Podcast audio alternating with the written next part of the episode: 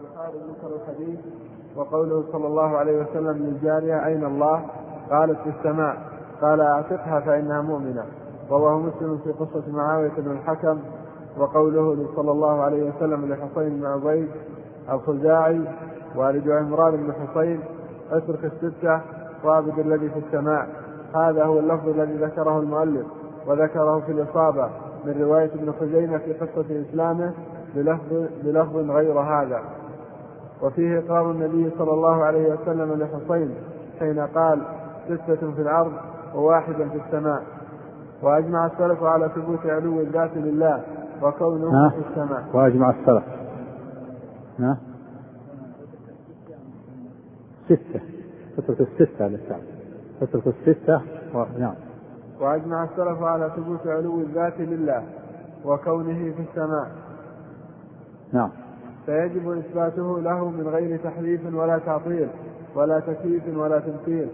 وقد أنكر أهل التعطيل كون الله بذاته في السماء وفسروا معناها أن في السماء ملكه ملكه وسلطانه ونحوه ونرد عليهم بما سبق في القاعدة الرابعة وبوجه رابع أن ملك الله وسلطانه في السماء وفي الأرض أيضا وبوجه خامس وهو دلالة العقل عليه. لأنه صفة كمال وبوجه سادس وهو دلالة الفطرة عليه لأن لأن الخلق مفطورون على أن الله في السماء. قال قال الشارح نعم. معنى كون الله في السماء المعنى الصحيح لكون الله في السماء أن الله تعالى على السماء ففي بمعنى على وليست للظرفية لأن السماء لا تحيط بالله. أو أنه في العلو في السماء بمعنى العلو. هذا كلام من؟ إيش قوله في إيش في؟ قال المعنى الصحيح لكون الله في السماء أن الله تعالى على السماء. ففي بمعنى على وليست للظرفية لأن السماء لا تحيط بالله. أو أنه في العلو فالسماء بمعنى العلو. الصواب أن لا معنى يأتي هذا الصواب أن فيه للظرفية هذا هو الصواب وهذا هو الأصل إلى الظرفية بمعنى للعلو في العلو. وليس معنى ذلك أن السماء تحيط بالله المراد بالسماء المراد بها العلو فتكون في على بابها. هذا هو الأصل. والمعنى الثاني أن في بمعنى على إذا أريد بالسماء الطباق المبنية هذا المعنى يعني معروف لكن المعنى الأول هو الأصل الذي هو تدل عليه اللغة. أن السماء بمعنى العلو وفي تكون على بابها. ومعنى في السماء يعني في العلو. والله تعالى له أعلى العلو وهو فوق العرش. هذا هو الأصل وهذا هو الصواب. والمعنى الثاني إذا فسر في السماء بالطباق المبنية كانت فيه بمعنى على معنى. قال الشارح رحمه الله أو أنه في العلو في السماء بمعنى العلو وليس المراد بها السماء المبنية. قال تنبيه ذكر المؤلف رحمه الله أنه نقل عن بعض الكتب المتقدمة أن من علامات النبي صلى الله عليه وسلم وأصحابه أنهم يسجدون بالأرض ويزعمون أن إلههم في السماء وهذا النقل غير صحيح لأنه لا سند له ولأن الإيمان بعلو الله والسجود له لا يختصان بهذه الأمة وما لا يختص لا يصح أن يكون علامة ولأن التعبير بالزعم في هذا الأمر ليس بمد لأن أكثر ما يأتي الزعم فيما يشك فيه. نعم. أما جواب الإمام مالك بن أنس بن مالك؟ الإمام مالك رحمه الله له عبارة يقول فيها لما سئل عن الاستواء عبارة أخذها العلماء وتلقوها بالقبول لما سئل عن الاستواء قال الاستواء ما؟ الاستواء غير الاستواء غير مجهول والكيف غير معقول والإيمان به واجب والسؤال عنه بدعة. فهذه الكلام تلقاه العلماء بالقبول وهي تجري في جميع الصفات. لما جاء رجل سأل الإمام مالك قال يا مالك الرحمن العرش استوى كيف استوى؟ فسكت الإمام مالك حتى علت الروح حضار ثم نظر إليه فقال الاستواء غير مجهول والكيف غير معقول والإيمان به واجب والسؤال عنه بدعة. ثم أمر به ذوقه الاستواء غير غير معقول غير مجهول يعني معلوم معلوم معنى في اللغة العربية. الاستواء معناه الاستقرار والصعود والارتفاع. استقر وعلى وارتفع وصعد. للعلماء أربع أربع عبارات. الاستواء له أربع معاني في اللغة العربية وعليها تدور تفاسير السلف. استقر وصعد وعلى وارتفع. هو معلوم معناه في اللغة العربية. والكيف غير معقول. يعني غير معلوم ما نعلم الكيفية كيفية استواء الرب. والإيمان به واجب الإيمان بالصفة واجب. والسؤال عن الكيفية بدعة. ثم قال لا أراك إلا رجل سوء فأمر به فأخرج. وروي عنه أنه قال الاستواء معلوم والكيف مجهول والإيمان به واجب والسؤال عنه بدعة. والمعنى واحد. الاستواء معلوم هو معنى قول غير مجهول. والكيف والكيف مجهول هو معنى قوله الكيف غير معقول. وروي هذا أيضا عن أم سلمة وروي عن ربيعة شيخ الإمام مالك. وهذا يقال في جميع في جميع الصفات. سأل عن عن عن عن اليد عن مثلا الرجل عن الغضب عن الرضا يقال فيها مثل ما قال الإمام يقول الغضب معلوم والكيف مجهول والإيمان به واجب والسؤال عنه بدعة. عن المحبة عن الإرادة. يقول الإرادة معلومة. والكيف مجهول والإيمان به واجب والسؤال عنه بدعة وهكذا يقال في جميع الصفات. نعم صحيح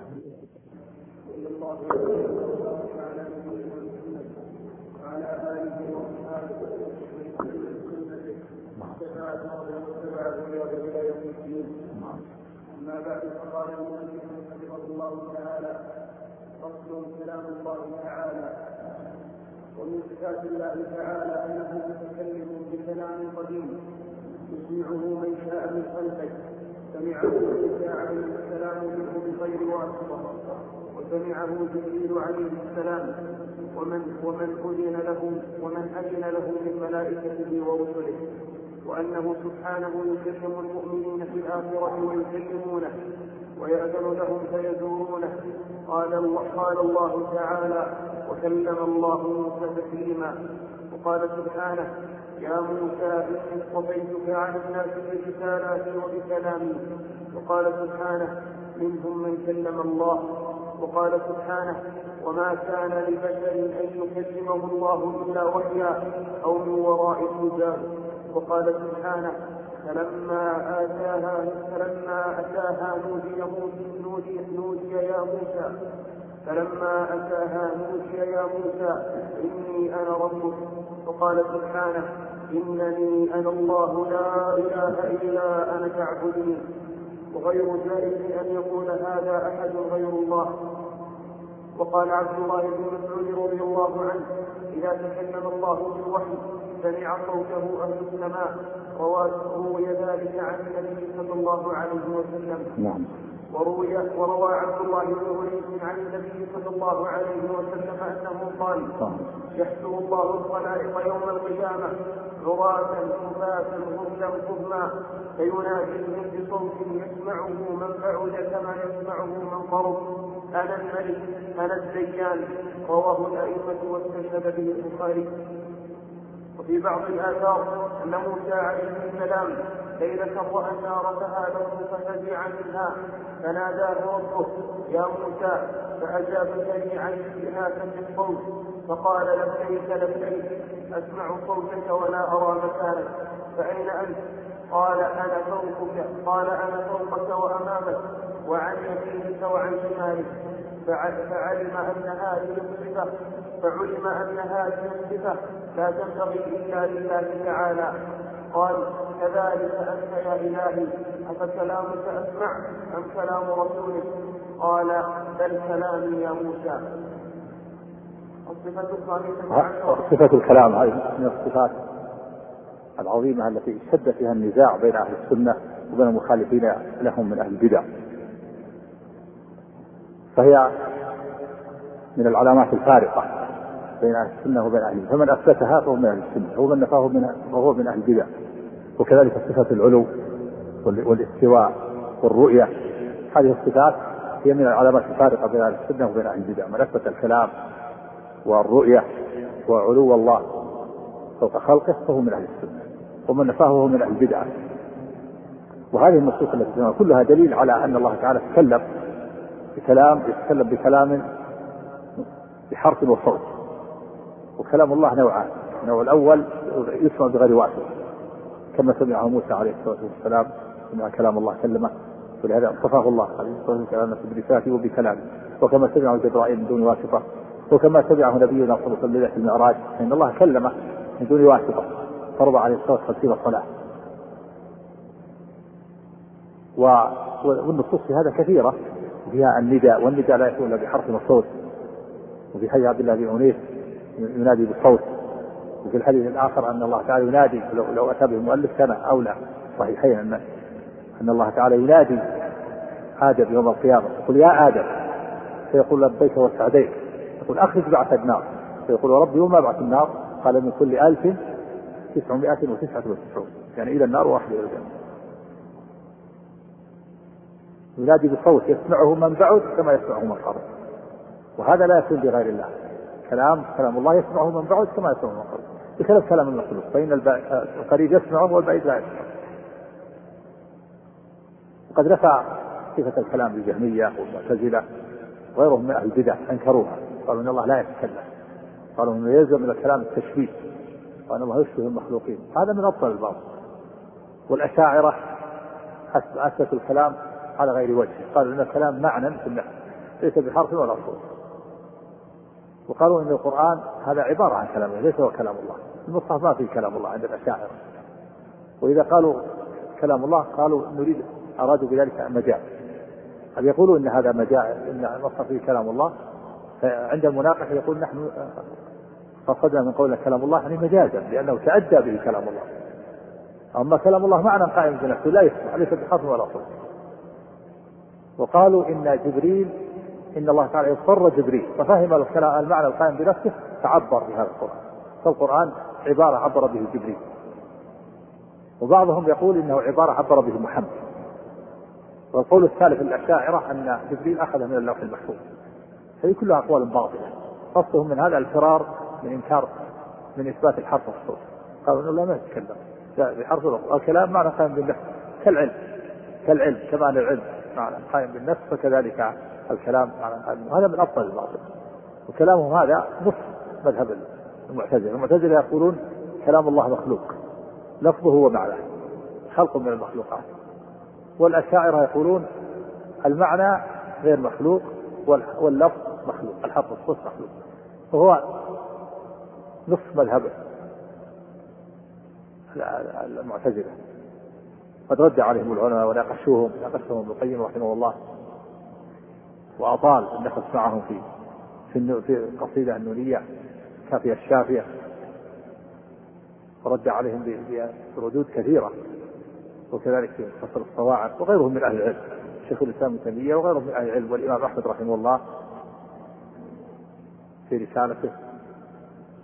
كذلك الرد على الجهمية والزنادقه والجهمية. والصواب الذي دلت عليه النصوص أن الله تعالى تكلم بحرف وصوت يسمع وأن كلام الله نوعان نوع بغير واسطة كما سمعه جبرائيل وكما سمعه نبينا محمد صلى الله عليه وسلم المعراج كما سمعه ونوع بواسطة. نحن الآن سمعنا كلام الله بواسطة بواسطة الصحابة الذين نقلوا تابعين والصحابة سمعوا كلام الله بواسطة النبي صلى الله عليه وسلم. وكلام الله بحرف وصوت وكلام الله والقرآن كلام الله. معناه وحروفه والله تعالى بائن من خلقه. بذاته وصفاته. ليس كلامه متحدا بهم ولا حالا فيهم. والقرآن كلام الله. لفظه ومعناه. ليس كلام الله الحروف دون المعاني والمعاني دون الحروف. هذا هو الصواب الذي دلت عليه النصوص نعم. الصفة الخامسة عشرة الكلام صفة من صفات الله الثابتة له بالكتاب والسنة وإجماع السلف. قال الله تعالى وكلم الله موسى تكليما الأشاعرة بعض الجهمية حرف الآية. لما قال وكلم الله موسى تكليما حرف قال وكلم الله موسى تكليما حتى يكون المكلم موسى. وكلم الله موسى تكليما قرأها هكذا بعض الجهمية. جعل اسم الشريف منصوب على التعظيم. والمعنى أن موسى هو المكلم والله هو المكلم. وإن الله يتكلم. وكلم الله فقال له بعضهم هب يا عدوها أنك حرست هذه الآية فكيف تقول في قوله تعالى وكلمه ربه وكلمه ربه قال جرحه بأظافر الحكمة جرحه بأظافر الحكمة لأن الكلب هو الجرح. من قولهم يقول من قولهم فلان كلبه فلان فلان كلبه يجمع يعني جرح. قال جرحه بأظافر الحكمة فمن يرد الله فتنته فلا فلا حيلة فيه. هذا تحريف تحرف المعنى. نسأل الله السلامة والعافية. نعم. وقال النبي صلى الله عليه وسلم إذا أراد الله أن يوحي حتى أن بعضهم بعض الجهمية تمنى أن يحق بعض الآيات آية الاستواء وغيرها نعوذ بالله. نعم. وقال النبي صلى الله عليه وسلم إذا أراد الله أن يوحي بأمره تكلم بالوحي. أخرجه ابن خزيمة وابن جرير وابن أبي حاتم. وأجمع السلف على ثبوت الكلام لله فيجب إثباته له من غير تحريف ولا تعطيل ولا تكييف ولا تمثيل وهو كلام حقيقي يليق بالله يتعلق بمشيئته. نعم وهو لا يشبه كلام المخلوقين. الله تعالى لا يشبه المخلوقين لا في ذاته ولا في صفاته ولا في أفعاله. الله تعالى يتكلم بكلام لا يشبه كلام المخلوقين. كما أن علمه لا يشبه المخلوقين وقدرته لا تشبه قدرة وهكذا. الله تعالى ليس كالمخلوقين ليس له مثيل لا يشبه أحدا من خلقه ولا مثل أحد من خلقه لا في ذاته ولا في صفاته ولا في أفعاله. هو يتكلم بكلام يليق به سبحانه وتعالى لا نعلم كيفيته نعم. وهو كلام حقيقي يليق بالله يتعلق بمشيئته بحروف وأصوات مسموعة. نعم وكلام قديم النوع يقول العلماء قديم النوع حادث الآحاد. يعني أصل الكلام قديم ولكن أفراده حادثة. يتكلم متى شاء وكيف شاء بما شاء سبحانه وتعالى. كلم موسى ويكلم آدم يوم القيامة ويكلم الناس. يتكلم كما يشاء سبحانه وتعالى. فالكلام من الصفة الذاتية والفعلية. في صفة ذات وفعل. هو قد نوع الكلام قديم وأفراده حادثة. ولا يلزم من الحدوث كما قال الجهمية أن أن, أن هذا الحدوث حدوث كلام الله ليس كحدوث كلام المخلوق. إنما هذا الحدوث إنما يلزم في كلام المخلوق. كلام المخلوق حادث مخلوق أما كلام الله فهو يليق به. والدليل على أنه بمشيئته قوله تعالى ولما جاء موسى لميقاتنا وكلمه ربه فالتكريم حصل بعد مجيء موسى فدل على أنه متعلق بمشيئته تعالى. نعم. المخالفون لأهل السنة في كلام الله تعالى. خالف أهل السنة خالف أهل السنة في كلام الله طوائف نذكر منهم طائفتين. الطائفة الأولى الجهمية. قالوا ليس الكلام من صفات الله وإنما هو خلق من مخلوقات الله. يخلقه الله في الهواء أو في المحل الذي يسمع منه. هذا كلام الجهمية والمعتزلة يعتبرون طائفة واحدة كلهم قالوا إن الكلام مخلوق. وإن كان الجهمية أبلغ لكن المعتزلة يسمون جهمية. لأن الجهمية ثلاث أصناف جهمية المحضة وجهمية المعتزلة وجهمية الأشاعرة كلهم يسمون جهمية. هذا قول الجهمية والأشاعرة والمعتزلة جميعا كلهم يقولون كلام الله مخلوق لفظه ومعناه يقول يتعلق بقدرة ومشيئته إلا أنه خلق من المخلوقات. قالوا إن الله خلق الكلام في الهواء أو في الشجرة الشجرة هي التي كلمت موسى وقالت إني أنا الله رب العالمين. سبحان الله. تقول الشجرة إني أنا الله رب العالمين؟ لكن هذا عمل بصيرة هكذا. نسأل الله السلامة والعافية. نعم. أو في المحل الذي يسمع وإضافته إلى الله إضافة إضافة خلق أو تشريف مثل ناقة الله وبيت الله. ونرد عليه بما يلي. أولا إنه خلاف إجماع السلف. ثانيا خلاف المعقول لأن الكلام صفة للمتكلم وليس شيئا قائما بنفسه منفصلا عن المتكلم. ثالثا أن موسى سمع الله يقول إنني أنا الله لا إله إلا أنا فاعبدني. ومحال أن يقول ذلك أحد إلا الله إلا الله سبحانه وتعالى. الطائفة الثانية. هم يقولون أن إضافة الكلام إلى الله إضافة تشريف إضافة مخلوق إلى خالقه فهو يقول الكلام صفة للمخلوقين لكن أضافه الله إلى تشريف. كما أضاف الناقة إليه والعبد والرسول عبد الله وناقة الله ورسول الله وبيت الله. وهذا من أفضل الباطل لأن المضاف إلى الله نوعان. شيء قائم بنفسه مثل الناقة والعبد والرسول وناقة الله قائم عبد الله رسول الله عيسى روح الله بيت الله كعبة. هذه إضافة مخلوق إلى خالق وإضافة تشريف أما إذا كان الشيء الذي يضاف لا يقوم بنفسه معنى من المعاني هذا يكون صفة من الصفات مثل الكلام هذا ليس قائما بنفسه معنى من المعاني والعلم وكذا. فإذا كان الذي أضيف معنى من المعاني ليس قائما بنفسه هذا يدل على أن الموصوف اتصف بذلك وقامت به هذه المعاني. أما إذا كان شيء قائم بنفسه مستقل هذا يكون إضافة المخلوق إلى خالقه كالعبد والرسول والناقة والبيت. نعم. الطائفة الثانية الأشعرية. قالوا كلام الله معنى قائم بنفسه لا يتعلق بمشيئته. وهذه الحروف والأصوات المسموعة مخلوقة للتعبير عن المعنى القائم بنفس الله ونرد عليه بما يلي. أولا يقول المصحف ليس فيه كلام الله لكن تعدى به كلام الله. تعدى به كلام الله. ومجاز يسمى كلام الله مجازا لأن كلام الله تعدى به. نعم. ولهذا بعضهم والعياذ بالله قد يدرس المصحف بقدميه لأنه يعني يقول ما في كلام الله. نسأل الله السلامة والعافية. هذا خطير.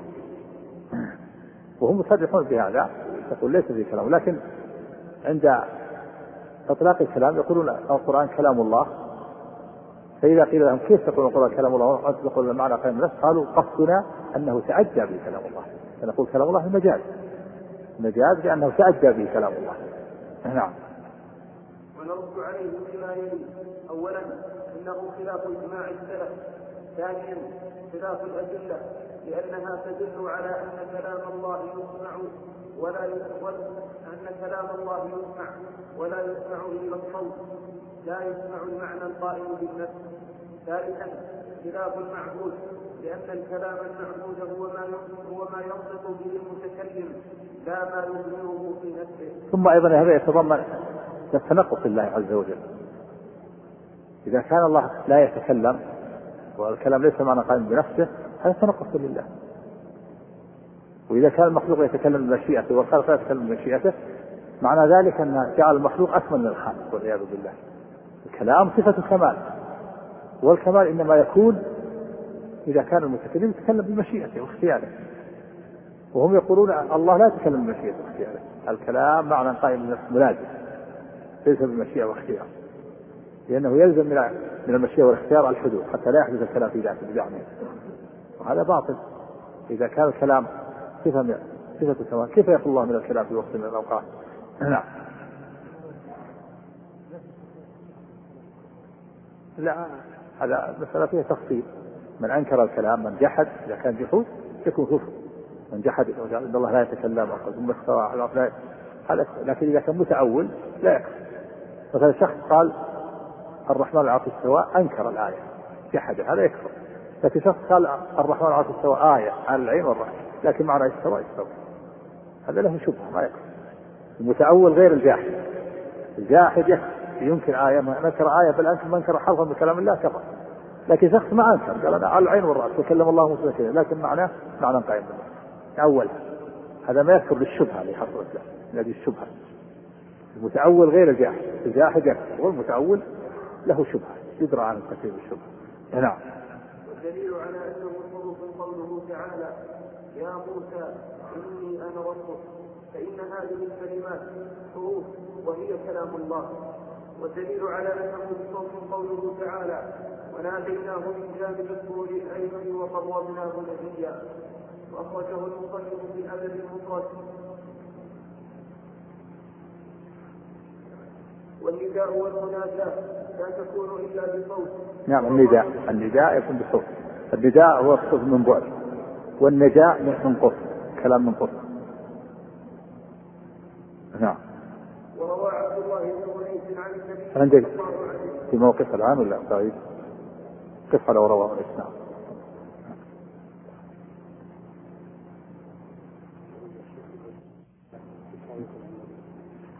يعني الله تعالى قال عنه هذا كلام الله. كلام الله عن نبي يعني الله تعالى قال في القرآن قال موسى كذا قال عن إبليس إنه قال كذا وقال عن فرعون إنه قال فهذا القرآن كلام الله عنه حكاية عنه. يعني أخبر عنه. وأما كلام موسى في ذلك الوقت كلام إبليس وكلام فرعون مخلوق. أما هذا كلام الله إخبارا عنه. نعم. المراد يعني إخبارا عنه. نعم. لله رب العالمين. صلى الله وسلم وبارك على نبينا محمد وعلى آله وأصحابه ومن استنى بسنته واقتفى أثره واتبع هداه إلى يوم الدين. أما بعد فقال المؤلف حفظه الله تعالى والدليل على أنه حروف قوله تعالى يا موسى إني أنا ربك. والدليل على إيش؟ والدليل على أنه حروف قوله تعالى يعني كلام الله. كلام الله حروف كلام الله لفظه ومعناه. كلام الله اللفظ والمعنى. بحرف وصوت اسمه. هذا هو الذي عليه السنة والجماعة. هو الذي دلت عليه النصوص. أن الله تعالى يتكلم بحرف وصوت. بحرف وصوت. وهو ألفاظ ومعاني. القرآن كلام الله. لفظه ومعناه. ليس كلام الله الحروف دون المعاني والمعاني دون الحروف. نعم. فإن هذه الكلمات حروف وهي كلام الله والدليل على أنه بصوت قوله تعالى وناديناه من جانب الطور الأيمن وقربناه نجيا والنداء والمناجاة لا تكون إلا بصوت. وروى عبد الله بن أنيس عن النبي صلى الله عليه وسلم النداء يكون بالصوت بصوت من بعيد. النداء هو الصوت من بعد والنداء من قرب. ناديناه وقربناه نجيا. فالنداء هو النداء من قرب والنداء من بعد. نعم نعم. وروى عبد الله بن أنيس عن النبي صلى الله عليه وسلم أنه قال يحشر الله الخلائق فيناديهم بصوت يسمعه من بعد كما يسمعه من قرب. أنا الملك أنا الديان. علقه البخاري بصيغة التمريض. قال في الفتح وأخرجه المصنف في الأدب المفرد وأحمد وأبو يعلى في مسنديهما وذكر له طريقين آخرين. إيه، قال في الفتح. قال في الفتح. وقال في الفتح وأخرجه المصنف في الأدب المفرد وأحمد وأبو يعلى في مسنديهما وذكر له طريقين آخرين. وكلام الله تعالى قديم النوع حادث الآحاد ومعنى وصح, وصح من هذا ما ثبت في الصحيحين. أن الله سبحانه وتعالى ينادي يوم القيامة ينادي آدم إذا كان يوم القيامة ينادي الله آدم فيقول يا آدم أخرج بعث النار. فيقول يا ربي من كم؟ فيقول من كل ألف تسعمائة وتسعة وتسعون وواحد من الجنة. هذا ثابت في الصحيحين الأصح كان ينبغي أن يؤتى أصح من حديث عبد الله بن أنيس. إذا أنه نداء يناديه. على رؤوس الخلائق يناديه الله سبحانه وتعالى. اسمه بصوت حرف وصوت. يا آدم فيقول لبيك. لبيك ربي وسعديك فيقول أخرج بعث النار. فيقول يا ربي من كم؟ يعني أهل النار. يقول من كل ألف تسعمائة وتسعة وتسعون. ولما قال النبي ذلك أشكل هذا على الصحابة وقال يا رسول أينا ذلك الواحد؟ واحد.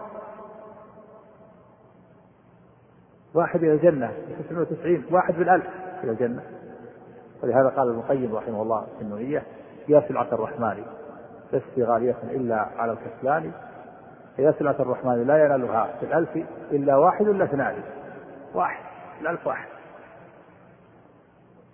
فالصحابة شق عليهم ذلك قال أبشروا فإن من يأجوج ومأجوج من كل ألف تسعمائة وتسعون منكم وواحد منكم أو كما جاء في النبي وفي اللفظ الآخر أن يأجوج ومأجوج أمتان.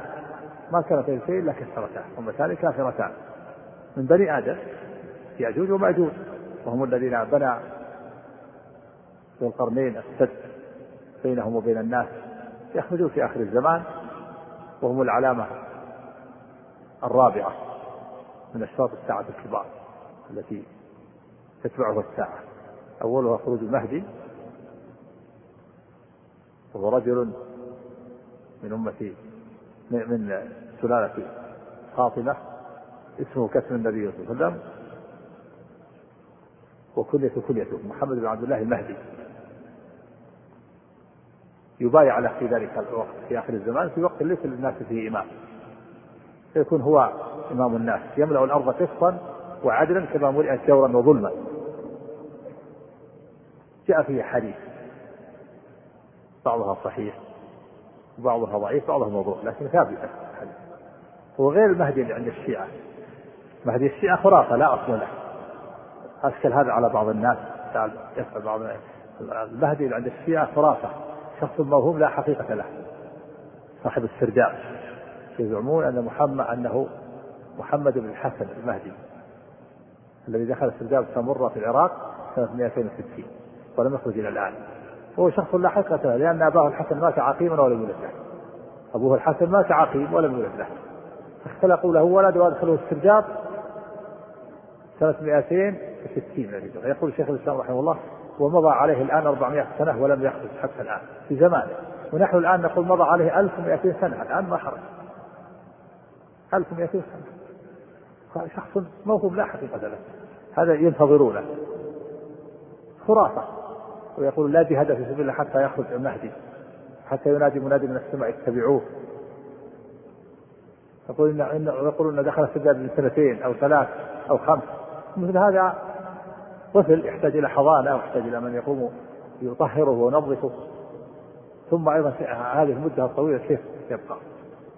وكيف تبقى الأمة معلقة؟ الأمة كلها الآن عند الرافضة لا ليس لا يكون هناك أحد سعيد حتى حتى يعمل في أوامر هذا المهدي المنتظر ما يكون أحد سعيد إلا بهذا. معناها أن أن أن تعطلت مصالح الأمة. وقد قرر العلماء أن المرأة إذا غاب عنها زوجها مدة طويلة ترفع أمرها إلى الحاكم حتى يفسخ يفسخ النكاح حتى يزول الظلم عن هذه المرأة واحدة. فكيف يبقى الظلم على أمة؟ أمة الإسلام كلها عند الرافضة كلها معلق معلق أمرها حتى يخرج هذا المهدي. ولما لم يخرج المهدي اضطروا إلى أن يجعلوا ولاية الفقيه يجعلوا نائب عنه. قالوا الخميني إنه نائب الخميني نائب عن عن المهدي حتى يخرج هذه من خرافات الشيعة. المقصود أن المهدي عند أهل السنة غير المهدي عند الرافضة ما يلتبس هذا. ثم في زمنه يخرج الدجال في زمن المهدي. بعد الحرب بعد الحروب طاحنة. وبعد فتح القسطنطينية يعلقون سيوفهم بالزيتون شجر الزيتون يصيح الشيطان إن الدجال خلفكم بأهله ثم ينزل عيسى بن مريم عليه الصلاة والسلام في زمن العلامة الثالثة ويقتل الدجال. ثم يخرج يأجوج المأجوج في زمن عيسى. هذا يأجوج المأجوج أمة ثالثة نعم. وكلام الله تعالى قديم النوع حادث الآحاد. ومعنى قديم النوع إن الله لم يزل ولا يزال متكلما. ليس الكلام حادثا منه بعد أن لم يكن. ومعنى حادث الآحاد أن آحاد كلامه أي الكلام المعين المخصوص حادث لأنه متعلق بمشيئته متى شاء تكلم بما شاء كيف شاء. هذا مذهب السنة والجماعة أن الكلام قديم النوع حادث الآحاد. نوعه قديم يعني ليس له أول. لم يزل له متكلم. خلافا للكرامية الذين يقولون إن الكلام ممتنع على الله ثم انقلب فجأة فصار ممكن يقولون ممتنع ما يستطيع يتكلم نعوذ بالله. ثم انقلب فجأة فصار ممكنا معنى هذا إنه عطلوا الرب سبحانه وتعالى. يقولون بزعمهم إنه اذا إذا جعلنا الكلام قديم تسلسلت الحوادث ولم نستطيع أن نثبت أن الله هو الأول الذي ليس قبله شيء. فلا بد أن نجعل فترة ما فيها كلام ولا حق حتى يكون الله هو الأول بزعمهم. الله تعالى هو الأول ليس قبله شيء. وهو سبحانه لم يزل فعال. فعال لما يريد. والفعل صفة كمال والكلام صفة كمال فلا يخلو الله من هذا الكمال في وقت من الأوقات. وكل فرد من أفراد المخلوقات مسبوق بالعدل. خلقه الله بعد أو بعد أن لم يكن. ويكفي هذا. لكن نوع الحوادث متسلسلة لم يزل الله يخلق ويفعل. الله خلاق. إن ربك هو الخلاق العليم. فعال سبحانه وتعالى. في كل وقت. لا يخلو من هذا الكمال في وقت من الأوقات. أما أفراد الكلام حادثة. تكلم متى شاء لما جاءت المجادلة إلى النبي صلى الله عليه وسلم وهي الحكيم وجادلت في زوجها أنزل الله قد سمع الله وقول التي تجادلك في زوجها. هذا كلام حادث. وحدوث كلام الرب ليس كحدوث كلام المخلوق. كلام الله صفة من صفاته. ليس ككلام المخلوق ولهذا قالت عائشة سبحان من وسع سمعه الأصوات جاءت المجادلة إلى النبي صلى الله عليه وسلم وإنه يخفى علي بعض كلامها فسمع الله سمع الله كلامه وانفطر سبع سماوات وأنزل قد سمع الله قال التي تجادلك في زوجها وتشتكي إلى الله والله يسمع تحاوركما إن الله سميع بصير. نعم. قول ابن قدامة رحمه الله متكلم بكلام قديم يعني قد يعني قديم النوع حادث الآحاد لا يصلح إلا هذا المعنى على مذهب أهل السنة والجماعة وإن كان ظاهر كلامه إنه قديم النوع والآحاد. قوله سمعه موسى من غير واسطة لقوله تعالى وأنا يقول قديم النوع والآحاد هذا الأشاعرة الشاعرة يقولون الكلام قديم ولا يكون حادث ولكنه ليس بحرف ولا صوت وهو في نفسه لا يسمع. هذا كلام الأشاعرة هو قول باطل. يقولون أن الكلام معنى قائم بنفس الرب ليس بحرف ولا صوت كالعلم.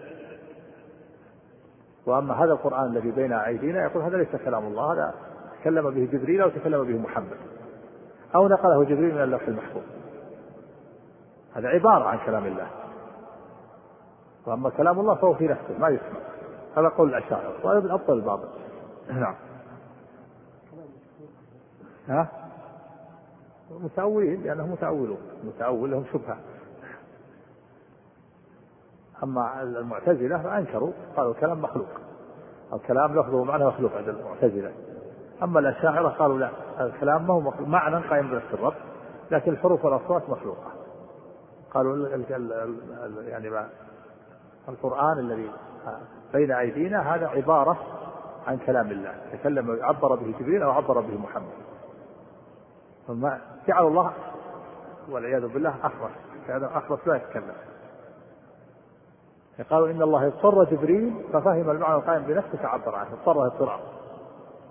وقال آخرون إن هذا أن الذي عبر به من الأشاعرة أن الذي عبر به محمد. وقال آخرون من الأشاعرة إن جبريل أخذ القرآن من اللوح المحفوظ. والله ما تكلم بشيء. هي أقوال ثلاثة للأشاعرة كلها باطلة. نعم. قوله رحمه الله سمعه موسى من غير واسطة لقوله تعالى وأنا اخترتك فاستمع لما يوحى. وقوله وسمعه جبريل لقوله تعالى قل نزله روح القدس من ربك. قوله ومن أذن له يعني يعني أن كلام الله نوعان. نوع بواسطة ونوع بغير واسطة. نوع بواسطة بغير واسطة كما كلم موسى. كلم موسى بدون واسطة. سمع موسى كلام الله. وكلم كلم جبريل بواسطة يسمع جبريل كلام الله بدون واسطة. وكذلك كلم نبينا صلى الله عليه وسلم في المعراج فرض عليه خمس صلوات بدون واسطة. والنوع الثاني كلامه بواسطة. هو أن الصحابة سمعوا كلام الله بواسطة النبي. مثلا والنبي صلى الله عليه وسلم سمع كلام الله بواسطة جبريل. ونحن الآن سمعنا كلام الله بواسطة نقل الأجيال السابقة. جيل بعد جيل هذا بواسطة نعم. قوله ومن أذن له من ملائكته ورسله. أما الملائكة فلقوله صلى الله عليه وسلم ولكن ربنا ولكن ربنا إذا قضى أمرا سبح حملة العرش ثم يسبح أهل السماء الذين يلونهم حتى يبلغ التسبيح أهل السماء الدنيا. فيقول الذين يلون حملة العرش لحملة العرش ماذا قال ربكم؟ فيخبرونهم. الحديث رواه مسلم. وأما الرسل فقد ثبت أن الله كلم محمدا صلى الله عليه وسلم ليلة المعراج. قوله وإنه سبحانه يكلم المؤمنين ويكلمونه لحديث أبي سعيد الخدري أن النبي صلى الله عليه وسلم قال يقول الله لأهل الجنة يا أهل الجنة فيقولون لبيك ربنا وسعديك. الحديث متفق عليه. قوله ويأذن, ويأذن نعم. لهم فيزورون يكلم الله تعالى المؤمنين في الجنة. ويكلم الله آدم في الموقف. هم يسمعون كلام الله. المؤمنون يسمعون كلام الله في الموقف وفي الجنة. ويرونه سبحانه وتعالى. يرونه في الموقف وفي وفي الجنة. أما غيرهم ففيهم خلاف. غير المؤمنين من الكفرة المشهور عند العلماء أن الكفرة لا يرون الله ولا يسمعون كلامه. الله تعالى كلا إنهم عن ربهم والله لمحجوبون وقال آخرون من العلم أنهم يرونه ثم يحتجب عنهم ويسمعونك ثم يحتجب عنهم وتكون هذه الرؤية تزيدهم عذابا. زيادة عذاب لهم. وقال آخر من أهل العلم إنه لا يراه إلا المؤمنون والمنافقون فقط. لأن المنافقين كانوا مع مع المؤمنين في الدنيا يظهرون الإسلام.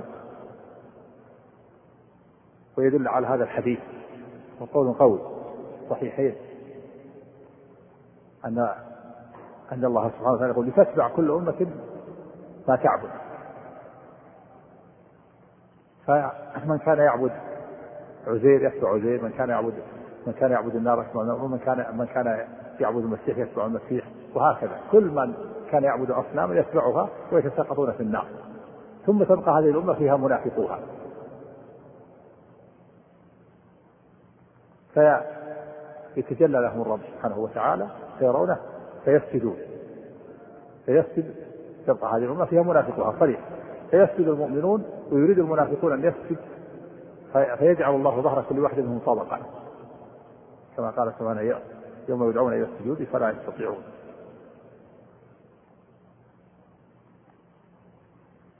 ثم بعد ذلك يتبع المؤمنون المؤمنون وكذلك المنافقون يمشون جميعا ثم يطفى معهم الأنوار تطفى أنوار المنافقين ويضرب بينهم وبينهم بسور له باب باطن في رحمه وظاهر من قبل العذاب نسأل الله السلامة والعافية. نعم. قوله ويأذن لهم فيزورونه. لحديث أبي هريرة أن النبي صلى الله عليه وسلم قال إن أهل الجنة إذا دخلوا فيها نزلوا بفضل أعمالهم. فرق بس على الزيارة نعم. نعم. في في امتحان. نعم الامتحان هناك امتحان في موقف القيامة. امتحان لأهل الفترة. ما ينتهي الامتحان حتى إلا بدخول الجنة. نعم. الحمد لله رب العالمين. وصلى الله وسلم وبارك على نبينا محمد وعلى آله وصحبه أجمعين. أما بعد فقال المؤلف رحمه الله تعالى قوله ويأذن لهم فيزورونه. لحديث أبي هريرة أن النبي صلى الله عليه وسلم قال إن أهل الجنة إذا دخلوا فيها نزلوا بفضل أعمالهم. ثم يؤذن لهم في في مقدار يوم في مقدار يوم الجمعة من أيام الدنيا. فيزورون ربهم. إن أهل الجنة. إن أهل الجنة إذا دخلوا فيها نزلوا بفضل أعمالهم ثم يؤذن لهم. يعني أهل الجنة يقتسمون الدرجات في أعمالهم ودخولهم الجنة بفضل الله. دخول الجنة بفضل الله ورحمته. كما ثبت في الحديث النبي صلى الله عليه وسلم لن يدخل أحدكم الجنة بعمله. قالوا ولا أنت يا رسول الله؟ قال ولا أنا إلا أن يتغمدني الله برحمة منه وفضل. وقال تعالى ادخلوا الجنة بما كنتم تعملون. والجمع بين النصوص في هذا أن الأعمال سبب. لقوله ادخلوا الجنة بما الباء سببية. ولكنها ليست عوضا عن دخول الجنة. دخول الجنة برحمة الله والعمل هو السبب. والباء في النفي غير الباء في الإثبات. الباء في الحديث لن يدخل الجنة بعمله باء العوض المعنى لن يدخل أحدكم الجنة عوضا عن عمله. والباء في الإثبات كما في الآية باء السببية تدخل الجنة بما كنتم تعملون. فيكون دخول الجنة له سبب وهو العمل. دخول الجنة برحمة الله لكن له سبب وهو العمل. فمن أتى بالسبب نالته الرحمة. ومن لا يأتي بالسبب لم تناله الرحمة. الله تعالى ورحمتي وسعت وسعت كل شيء فسأكتبها الذين يتقون. أما من لم يتق الله ولم يكن من أهل التوحيد فلا يدخل الجنة لأنه ما أتى بالعمل فلا تناله الرحمة. ثم إذا دخل الجنة اقتسموا الدرجات بالأعمال. الأعمال يقسمون الدرجات في أعمالهم. تفاضل بينهم بالأعمال. والدخول كلهم يدخلونها برحمة الله بسبب العمل. نعم. ثم يؤذن لهم في مقدار يوم الجمعة من أيام الدنيا فيزورون ربهم. الحديث رواه ابن ماجه والترمذي وقال غريب وضعفه الألباني. وقوله وقال ابن مسعود إذا تكلم الله بالوحي سمع صوته أهل السماء. وفي أن الله تعالى فيها شاهد أن الله تعالى إذا أذن في الجنة يزورونه يكلمهم ويكلمونه. فيه إثبات الكلام لله. في البحث الآن في إثبات كلام الله عز وجل. نعم. وقال ابن مسعود إذا تكلم الله بالوحي سمع صوته أهل السماء وروي ذلك عن النبي صلى الله عليه وسلم. أثر ابن مسعود لم أجده بهذا اللفظ وذكر ابن خزيمة وذكر ابن خزيمة طرقه في كتاب التوحيد بألفاظ منها سمع أهل السماوات للسماوات صلصلة وأما المروي عن النبي صلى الله عليه وسلم هذا الصوت في إثبات الصوت في كلام الله لكن يغني عن أثر من الصوت الحديث الصحيح. أن الله تعالى يوم القيامة ينادي كما في البخاري ينادي آدم فيقول لبيك. يقول أخرج بعث الله. ينادي بصوت. وفي اللفظ الآخر ينادي بصوت يسمعه من بعد كما يسمعه من قرب. فإثبات الصوت من كلام الله ثابت في الأحاديث الصحيحة. والنداء إنما يكون بصوت. ويوم يناديهم فيقول ما لا النداء لا يكون إلا بصوت. والنداء يكون بغير صوت. الكلام من قرب يسمى نداء. والكلام من بعد يسمى نداء. والنداء لا بد فيه من الصوت. نعم. وهذا ترى ابن مسعود. يعني يكون هذا من لا يعني سواء صح أو ما صح. هذا ثابت في الأحاديث الصحيحة. هذا الأثر يكون إذا صح يكون ابن مسعود فهم من من النصوص. نعم. وأما المروي عن النبي صلى الله عليه وسلم فهو من حديث النواس بن سمعان مرفوعا إذا أراد الله أن يوحي بأمره تكلم بالوحي فإذا تكلم أخذت السماوات منه رجفة أو قال رعدة أو قال رعدة شديدة من خوف الله فإذا سمع ذلك أهل السماوات صعقوا. الحديث رواه ابن خزيمة وابن أبي حاتم. فصل القرآن كلام الله ومن كلام الله سبحانه القرآن العظيم وهو كتاب الله المبين وحبله المتين وصراطه المستقيم وتنزيل رب العالمين. نزل به الروح الأمين على قلب سيد المرسلين بلسان عربي مبين منزل غير مخلوق منه بدأ وإليه يعود وهو سور محكمات وآيات بينات وحروف وكلمات من قرأه فأعربه فله بكل حرف عشر حسنات له أول له أول وآخر وأجزاء وأبعاض متلو بالألسنة. محفوظ في الصدور مسموع بالآذان مكتوب في المصاحف فيه محكم ومتشابه وناسخ ومنسوخ وخاص وعام وأمر ونهي لا يأتيه الباطل من بين يديه ولا من خلفه تنزيل من حكيم حميد. هذا هو معتقد السنة والجماعة. أن القرآن كلام الله. ألفاظه ومعانيه. وأن كلام الله اسم لللفظ والمعنى. وأنه حروف. أن الله تكلم به بحرف وصوت. يسمع وكذلك التوراة والإنجيل والزبور كلهم كلام الله. كلهم من كلام الله. التوراة والزبور والإنجيل والقرآن كلها كلام الله عز وجل. تكلم بها. والقرآن كلام الله ألفاظه ومعانيه. ليس كلام الله اللفظ دون المعنى والمعنى دون اللفظ بل الألفاظ والمعاني. وهو بحروف وحروف وصوت. تكلم الله به بحرف وصوت اسمع. ومنزل غير مخلوق. كلام الله منزل غير مخلوق. لأنه صفة من صفاته سبحانه وتعالى. من قال القرآن مخلوق فهو كافر عند أهل العلم. هكذا أطلق أئمة السنة. كفروا من قال القرآن مخلوق على وجه العموم. من قال القرآن مخلوق؟ فقد كفر والقرآن له حروف. حروف وألفاظ ومعاني وأجزاء وأبعاض خلافا للأشاعرة الذين يقولون لا يتبعض. الأشاعرة يقولون لا يتبعض ولا يتجزأ ولا يتعدد ولا يتكثر شيء واحد. ويرون أن القرآن أن كلام الله هو المعنى فقط وما اللفظ ليس من كلام الله. اللفظ والحروف والأصوات هذه يقولون ليست كلام الله.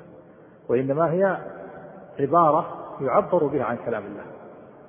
فالقرآن المصحف الذي بين القرآن الذي في المصحف بين أيدينا يقول ليس كلام الله. ولكنه تعدى به كلام الله.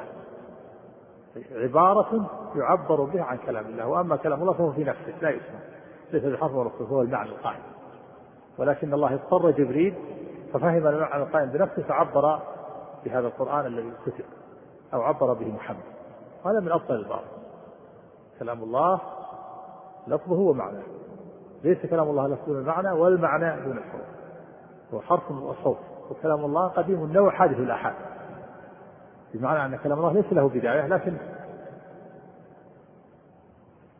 لكن أفراد الكلام حادثة لأن الله يتكلم متى شاء بما شاء كيف شاء. لما جاءت المجادلة حول بنت حكيم وجاء لما ظهر منها زوجها عوس بن الصامت جاءت إلى النبي صلى الله عليه وسلم تجادله. وقالت يا, رسول الله إن عوس بن الصامت ظاهر مني. فقال عليه الصلاة ما أراك إلا حرمت عليه جعلت تجادل وقال رسول الله إن له صبية. ثم قالت أشكو إلى الله. صبية إن ضممتهم إلي جاعوا أو إليه ضاعوا. وجعلت تجادل النبي صلى الله عليه وسلم فأنزل الله في الحال هذه الآية الكريمة. قد صدر سورة قد سمع الله قول التي تجادلك في زوجها وتشتكي إلى الله والله يسمع تحاوركما إن الله سميع بصير. الذين يظاهرون منكم من نسائهم. ما هن أمهاتهم إن أمهاتهم إلا اللائي ولدنا. وإنهم لا يقولون منكرا من القول والزرع وإن الله لعفو غفور ونزلت الكفارة والذين يظاهرون من نسائهم ثم يعودون لما قالوا. فتحرير رقبة من قبل أن يتماسوا ذلكم توعظون به والله بما تعملون خبير. فمن لم يجد فصيام شهرين متتابعين من قبل أن يتماسا فمن لم يستطع فإطعام ستين مسكين ذلك لتؤمنوا بالله ورسوله. وتلك حدود الله وللكافرين أعلم. نزلت هذه الآية في الحال على النبي صلى الله عليه وسلم. فأفراد كلام الله لكن نوع الكلام قديم. لم يزل له متكلما لأن الكلام صفة كمال. ولا يقال إن الكلام له أول وبداية. كان الكلام ممتنع كما تقول الكرامية هذا من أبطال الباطل. لأن هذا تعطيل لله من صفات الكمال سبحانه وتعالى. الله عن قوله أجزاء وأبعاد بها. القرآن أجزاء وأبعاد له أجزاء. 30 جزء الآن بعض القرآن أجزاء وأبعاد. كلام الله. بعضه أفضل من بعض التفاوت. قل هو الله واحد تعدل ثلث القرآن. الحمد لله رب العالمين وصلى الله وسلم وبارك على نبينا محمد وعلى آله وصحبه أجمعين. أما بعد فقال المؤلف رحمه الله تعالى وقوله تعالى قل لئن اجتمعت الإنس والجن على أن يأتوا بمثل هذا القرآن لا يأتون بمثله ولو كان بعضهم لبعض ظهيرا. الشرح القول في القرآن القرآن الكريم من كلام الله تعالى. منزل غير مخلوق منه بدأ وإليه يعود فهو كلام الله حروفه ومعانيه. دليل على دليل أنه من كلام الله قوله تعالى وإن أحد من المشركين استجارك فأجره حتى يسمع كلام الله. نعم يعني كلام الله القرآن كلام الله يعني من كلام الله. والتوراة والإنجيل والزبور والقرآن كلها من كلام الله وكلام الله لا يتناحى. كما قال سبحانه قل لو كان البحر مدادا لكلمات ربي لنفد البحر قبل أن تنفد كلمات ربي. وقال وقال سبحانه ولو أن ما في الأرض من شجرة أقلام والبحر يمده من بعد سبعة أبحر ما نفدت كلمات الله. المعنى لو جعل ما في الأرض من الأشجار كلها أقلام يكتب بها. والبحر يمده من بعد سبعة أبحر وجعل مدادا حبر يكتب به لا نفد البحر وتكسرت الأقلام ولم تنفد كلمات الله. قل لو كان البحر مدادا لكلمات ربي لنفد البحر قبل أن تنفد كلمات ربي. ولو جاء بمثله مدد. ولو أن ما في الأرض من شجرة أقلام. والبحر يمده من بعد سبعة أبحر ما نفدت كلمة الله. كلام الله بالحروف والمعنى. حرف ومعنى. صوت يسمع. نوعان. صوت يسمع بكلام الله بدون واسطة كما كلم جبريل وكما كلم نبينا محمد صلى الله عليه وسلم كما كلم موسى بدون واسطة وكما يكلم أهل الجنة يوم القيامة وأهل الموقف هذا بدون واسطة. والثاني النوع الثاني بواسطة وهو أن سمعنا كلام الله بواسطة إنزاله على النبي صلى الله عليه وسلم. الصحابة سمعوا كذلك بواسطة. فكلام الله حروفه ومعاني ألفاظه ومعاني. هذا هو الصواب خلاف الأشاعرة الذين يقولون إنه معنى قائم بالنفس وليس بصوت ولا بحظ هذا باطل. وهو كلام الله منزل غير مخلوق خلافا للمعتزلة الذين يقول هو مخلوق هذا باطل كفر. ولهذا قال العلماء من قال القرآن مخلوق فهو كافر يعني على العموم. هو كلام الله منزل غير مخلوق منزل من عند سبحانه غير مخلوق. منه بدأ وإليه يعود. منه بدأ تكلم الله به.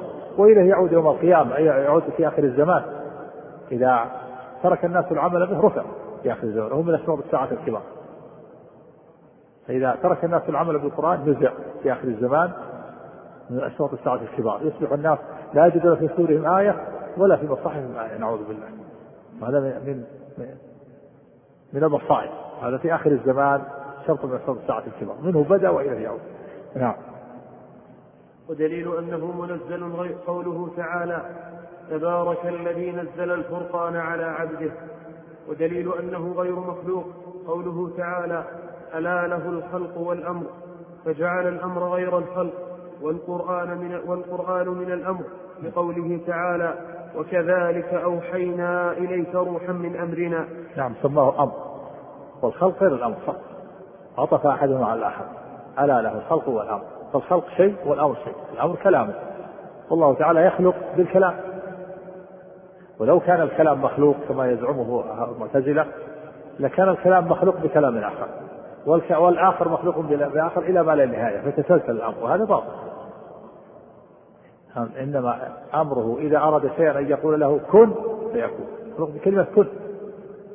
إنما أمره إذا إذا أراد شيئا أن يقول له كن فيكون. سبحانه وتعالى. وإن أحد من المشركين استجارة فأجده حتى يسمع كلام الله. وحتى يسمع كلام الله هذه العالم بحرف وصوت. كلام الله يسمع. نعم. وقوله تعالى ذلك أمر الله أنزله إليكم. سماه أمر؟ كلام أمر. فدل على أن الأمر غير الخلق. على الخلق هو الأمر. كلام الله أمر. نعم. ولأن كلام الله صفة من صفاته وصفاته غير مخلوقة. نعم. ودليل أنه لو كانت مخلوقة هذا من أبطل البعض صفات الله غير مخلوقة. والله تعالى بذاته وصفاته هو الخالق وغيره مخلوق. الله خالق كل شيء. فما سواه مخلوق وهو سبحانه وتعالى هو الخالق بذاته وصفاته سبحانه وتعالى نعم. ودليل أنه منه بدأ أن الله أضافه إليه ولا يضاف الكلام إلا إلى من قاله مبتدئا. نعم. ودليل أنه إليه يعود. فهو أضافه الله إليه. وهو المتكلم سبحانه وتعالى كلام الله. أجل حتى يسمع كلام الله. أضافه إليه. ولا يمكن أن يضاف إليه. من المعاني إلا ما هو قائم به سبحانه. نعم. ودليل أنه إليه يعود أنه ورد في بعض الآثار أنه يرفع من المصاحف والصدور في آخر الزمان. نعم وهو من أشراط الساعة الكبار. نسأل الله العافية نعم. قال ابن قدامة قال ابن قدامة رحمه الله تعالى وهذا هو الكتاب العربي الذي قال فيه الذين كفروا لن نؤمن بهذا القرآن وقال بعضهم إن هذا إلا قول البشر. يعني هذا القرآن هذا. قالوا لن نؤمن بهذا القرآن ولا بالذي بين يديه. يعني هذا القرآن العربي الذي أنزله الله على محمد صلى الله عليه وسلم. قال فيه والوليد بن المغيرة إن هذا إلا قول البشر. فتوعده الله بقوله سأصله سقر فمن قال إن إن الكلام معنى قائم بالنفس وأن هذا القرآن الذي بين أيدينا إنه تكلم عبر به جبريل عبر به محمد فقد شارك الوليد بن المغيرة في قول هذا إلا قول البشر. الوليد بن المغيرة يقول هذا قول البشر. والأشاعرة يقولون كلام الله معنى قائم بنفسه. وأما وما بأيدي المسلمين ليس كلام الله وإنما هو عبارة عن كلام الله. حروف عبر بها جبريل أو عبر بها محمد. وهذا من أبطال الباطل هذا موافقة لقول المغيرة بن الوليد بن المغيرة إن هذا إلا قول البشر. نعم. نسأل الله العافية. وقال بعضهم إن هذا إلا قول البشر فقال الله سبحانه سأصليه سقر. وقال بعضهم هو شعر فقال الله تعالى وما علمناه الشعر وما ينبغي له إن هو إلا ذكر وقرآن مبين. فلما نفى الله عنه أنه شعر وأثبته قرآنا لم يبق شبهة لذي لب في أن القرآن هو هذا الكتاب العربي. وهذا يدل على بطلان قولهم لتناقضه كفار منهم من قال إنه قول بشر ومنهم من قال إنه سحر. كما أنهم قالوا في النبي قالوا ساحر وقالوا شاعر وقالوا مجنون. فتناقض أقوالهم وتضاربها يدل على على بطلانها نعم. لم يبق شبهة لذي لب في أن القرآن هو هذا الكتاب العربي الذي هو كلمات وحروف وآيات. لأن ما ليس كذلك لا يقول أحد إنه شعر. وقال عز وجل وإن كنتم في ريب مما نزلنا على عبدنا فأتوا بسورة من مثله وادعوا شهداءكم من دون الله. ولا يجوز أن يتحداهم بالإتيان بمثل ما لا بمثل ما لا يد بمثل ما لا يدرى ما هو بمثل ما لا يدرى ما هو ولا يعقل. هذا الرد على الشاعر. الله تعالى تحدى البشر. أن يأتوا بمثل هذا القرآن. فقال وإن كنتم في ريب يعني في شك مما نزلنا على عبدنا يا محمد صلى الله عليه وسلم وهو القرآن فأتوا بسورة مثله. ائتوا بسورة مثله. القرآن الآن من الحروف 28 مكون من هذه الحروف. ائتوا بمثله. ما استطاعوا. تحداهم أن يأتوا بعشر بمثله فلم يستطيعوا. تحداهم أن يأتوا بعشر سور فلم يستطاعوا تحداهم أن يأتوا بسورة فلم هذا القرآن الذي بين وهم افصح كان كانوا فصحاء افصح الناس افصح العرب. والقرآن الذي يتلى مكون من الحروف 28 الهجائيه المعروفة ومع ذلك ما استطاعوا. لو استطاعوا لفعلوا لكن ما استطاعوا. ولهذا قال قل لئن اجتمعت الإنس والجن. على أن يأتوا بمثل هذا القرآن؟ لا يأتون بمثله ولو كان بعضهم لبعض ظهيرا. وإن كنتم في ريب مما نزلنا على عبدنا يعني محمد فأتوا بسورة من مثله. فلو كان الكلام معنى قائم بالنفس وأن هذا القرآن الذي بين ايدينا عبارة عبر به جبريل أو محمد لكان قد أتوا بمثل هذا القرآن. هذا من أفضل الباطل لأنهم يقولون إن الحروف إن القرآن هذا عبارة عما في نفس الله. فكأنهم أتوا بمثل ما في نفس الله نعوذ بالله. وهذا من أفضل الباطل كلام الله حروف ومعاني وهذا القرآن الذي أنزله سبحانه وتعالى. الأشاعرة يقول القرآن ما في كلام الله بيدينا. هذا عبارة من كلام البشر أو من كلام جبريل. عبر به وإلا ما في شيء. لو ألقاه المصحف وجاسه ما في بقدمه ما في كلام نعوذ بالله. هذا من ابطل الباطل نعم. وقال تعالى وإذا تتلى عليهم آياتنا بينات قال الذين لا يرجون لقاء نات بقرآن غير هذا أو بدله قل ما يكون لي أن أبدله من تلقاء نفسي فأثبت أن القرآن هو الآيات التي تتلى عليهم وقال تعالى نعم والآيات التي تتلى هي وما وجد في المصحف الحروف والمعاني بركة قف على ويقول وإذا تتلى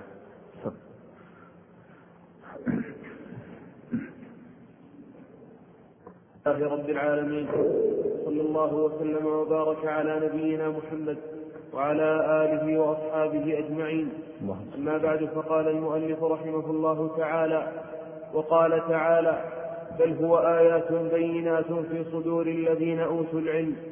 وقال تعالى إنه لقرآن كريم في كتاب مكنون لا يمسه إلا المطهرون.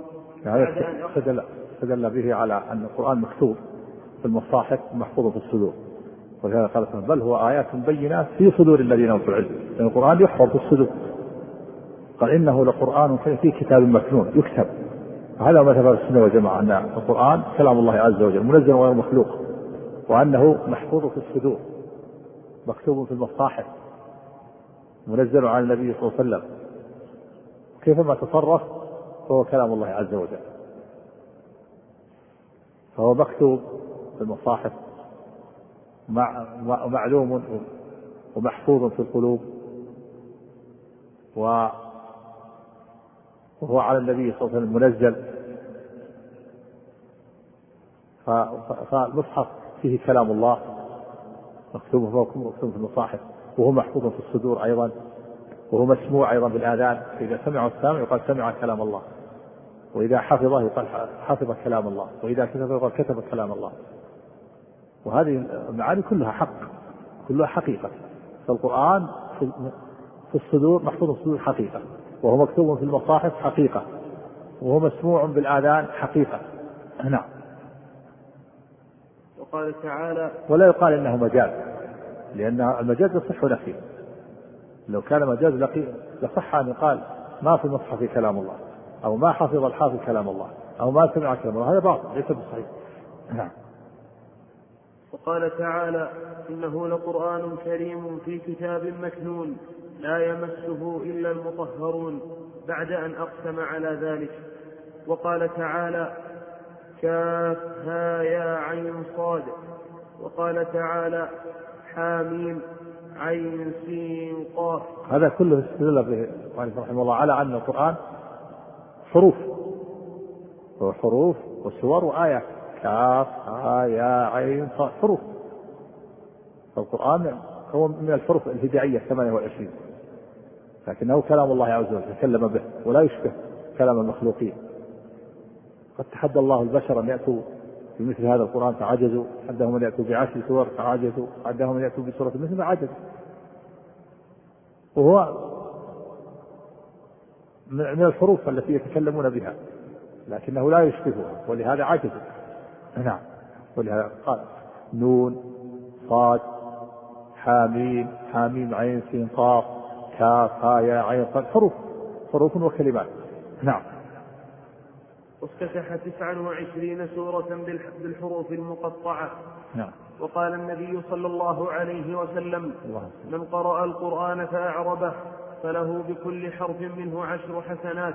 ومن قرأه ولحن فيه فله بكل حرف حسنة. حديث صحيح. نعم. والشاهد قوله فله بكل حرف. دليل على القرآن حروف. في الرد على من؟ على الأشاعرة الذين يقولون لا يقولون أن القرآن حروف وأصوات. ينكرون أن يكون القرآن حروف بحرف وصوت. يسمع. يقولون القرآن كلام الله معنى قائم بنفسه لا يسمع. مثل العلم. كما أن العلم في نفسه لا يسمع فكذلك الكلام في نفسه لا يسمع. ولا يقولون إن القرآن حروف وكلمات. يقولون لو قلنا إن حروف وكلمات للزم أن تحل للزم أن تحل الحوادث في ذات الله عز وجل. لأن الحرف يكون بعد الحرف فتحل الحوادث. وهذا باطل لأن كلام الله لا يشبه كلام المخلوقين هذا إنما يكون في المخلوق بالنسبة للمخلوق. أما الخالق فلا يشبه المخلوق. وهو يتكلم سبحانه وتعالى كيف شاء ومتى شاء بما شاء. وكلام الله قديم النوع ليس له أول ولكنه أفراده حادثة. يتكلم سبحانه متى شاء وكيف شاء. كما أنه كلم جبريل وأنزل القرآن على محمد صلى الله عليه وسلم وأنزل التوراة على موسى والإنجيل على عيسى والزبور على داود ويكلم الناس يوم القيامة ويكلم آدم. يكلم سبحانه متى شاء وكيف شاء. الكلام صفة كمال نعم لكنه لا كلام الله لا يشبه كلام المخلوقين. كسائر الصفات. نعم. وقال عليه الصلاة والسلام اقرأوا القرآن قبل أن يأتي قوم يقيمون حروفه إقامة السهم لا يجاوز تراقيهم. الشاهد قوله يقيمون حروفه أثبت أن القرآن حروف. وفي فضل من قرأ القرآن فأعربه وله له بكل حرف عشر حسنات. وإن قرأه ولحن فيه له بكل حرف حسنة وفي الحديث الآخر الماهر بالقرآن مع السفرة الكرام البررة والذي يقرأ القرآن ويتعتع فيه وهو عليه شاق له أجران. نعم. وقال عليه الصلاة والسلام اقرأوا القرآن قبل أن يأتي قوم يقيمون حروفه إقامة السهم لا يجاوز تراقيهم. تراقيهم. تراقيهم. يتعجلون أجره ولا يتأجلونه. هذا فيه الوعيد الشديد على من تأكل بالقرآن. والذنب فيه الذنب لهؤلاء الذين يقيمون حروفه لكنهم يتعجلون ولا يتأجلون يعني يطلبون به الدنيا ولا يريدون به وجه الله. لأنه يجب على المسلم أن يخلص قراءته لله لأن عبادة القرآن قراءة القرآن تلاوة عبادة عظيمة يجب إخلاصها لله كسائر العبادات. لا يقصد به الدنيا ولا التعكل به. نعم. وقال أبو بكر وعمر وعمر رضي الله عنهما إعراب القرآن أحب إلينا من حفظ بعض حروفه. وقال علي رضي الله عنه إيه، وقال, وقال أبو بكر. وقال أبو بكر وعمر رضي الله عنهما إعراب القرآن أحب إلينا من حفظ بعض حروفه. يعني كون الإنسان يقرأ قراءة مستقيمة يخرج الحروف من مخارجها قراءة واضحة تكلم على عليه تخريجها أثر. قال أثر ضعيف جدا أخرجه ابن الأنباري في الوقت والابتداء. بلفظ لبعض إعراب القرآن أعجب إلينا من حفظ بعض حروفه وإسناده ضعيف جدا. فيه ضعف وانقطاع فيه جابر بن يزيد الجعفي. الجعفي وهو ضعيف. وكذا شريك القاضي صدوق يخطئ كثيرا. وتغير حفظه وانقطاع بين أبي بكر وعمر وبين الراوي عنهما. عن تعليق بدر البدر على اللمعة. يا على كل حال المقصود أن يقرأ الإنسان قراءة واضحة. يقرأ قراءة واضحة. أما إذا قرأ قراءة يسقط بعض الحروف لا ليس له نصف المهم يقرأ قراءة واضحة بينة يخرج الحروف من مخارجها. هذا هو المقصود. نعم. هذا لا هذا لا بد منه. سواء صح الأثر أو لم يصح. لا بد أن يقرأ قراءة واضحة يخرج الحروف من مخارجها ولا يسقط شيء من الحروف. نعم. وقال علي رضي الله عنه من كفر بحرف منه فقد كفر به كله. فقد كفر به كله. فقد كفر به كله. فقد كفر به كله. يعني من أنكر وجحد حرفا منه. اشكال على تخريبه أخرجه ابن أبي شيبة وابن جرير في تفسيره من طريق شعيب بن من طريق شعيب بن الحبحابي قال كان أبو العالية إذا قرأ عنده رجل لم يقل ليس كما قرأ ليس كما يقرأ وإنما يقول أما أنا فأقرأ كذا وكذا. قال فذكرت ذلك لإبراهيم النخعي. فقال أرى صاحبك قد سمع أن من كفر بحرف منه فقد كفر به كله وإسناده صحيح.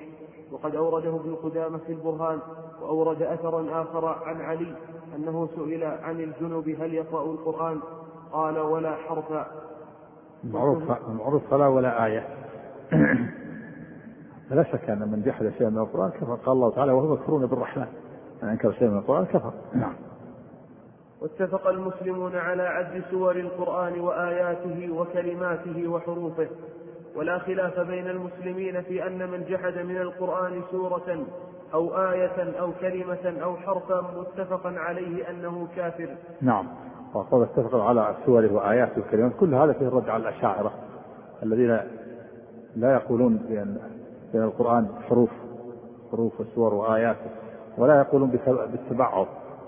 يقولون القرآن معنى واحد لا يتبعض ولا يتجزأ ولا يتعدد ولا يتكثر وليس بحرف ولا صوت. وكلام الله شيء واحد يقولون معنى واحد. إن عبر عنه بالعربية فهو القرآن وإن عبر عنه بالعبرانية لغة اليهود فهو التوراة وإن عبر عنه بالسريانية فهو الإنجيل وإن عبر عنه بالداودية فهو الزبور ولا شيء واحد هكذا يقول الشاعر هذا من أفضل الباطل. واتفق إيه واتفق المسلمون. اتفق المسلمون. ها؟ كيف على كيف على واتفق واتفق نعم الحمد لله رب العالمين. صلى الله وسلم وبارك على نبينا محمد وعلى آله وصحبه أجمعين.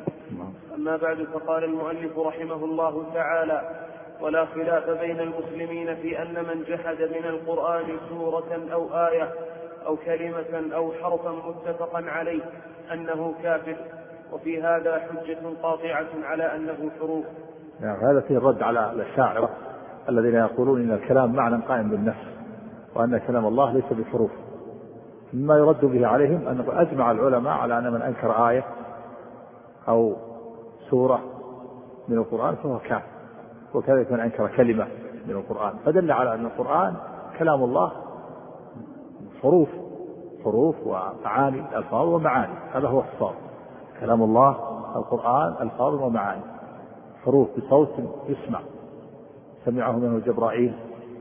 تكلم الله بصوت سمعه منه جبرائيل ويتكلم سبحانه وتعالى بصوت يسمعه الخلائق يوم القيامة. ينادي آدم يا آدم يقول لبيك وسعديك في الحديث الآخر أن الله تعالى ينادي يوم القيامة بصوت يسمعه من بعد كما يسمعه من قرب.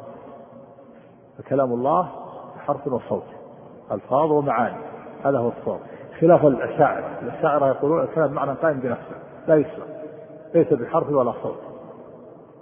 فما الكلام عند الأشاعرة معنى قائم بنفس الله كالعلم. وأما هذا القرآن الذي بين أيدينا يقول هذا عبارة. عبر به جبريل أو عبر به محمد. لهم أقوال في هذا. القول الأول أن أن جبريل هو الذي عبر عنه. وأن الله اضطر جبريل ففهم المعنى القائم بنفسه فعبر جبريل بهذه بهذا القرآن الحروف والكلمات التي بين أيدينا. فليس في القرآن في المصحف كلام الله عنه والقول الثاني أنه عبر به محمد عليه الصلاة والسلام. فهو من عبارة محمد. والقول الثالث أن جبريل أخذ من اللوح المحفوظ. كل هذه أقوال للأشاعرة كلها أقوال باطلة. والمعتزلة يقولون القرآن ألفاظ ومعاني لكنه مخلوق. لفظه ومعناه. وكل من القولين باطل كقول لك المعتزلة. الله أكبر الله أكبر. المعتزلة يرون أن القرآن كلام الله لفظه ومعناه. لفظه ومعاني لكنها مخلوقة. وهذا كفر. ولهذا قال كثير من السلف من قال القرآن مخلوق فهو كافر. العموم. وأما الأشاعرة فمذهبهم نصف مذهب المعتزلة.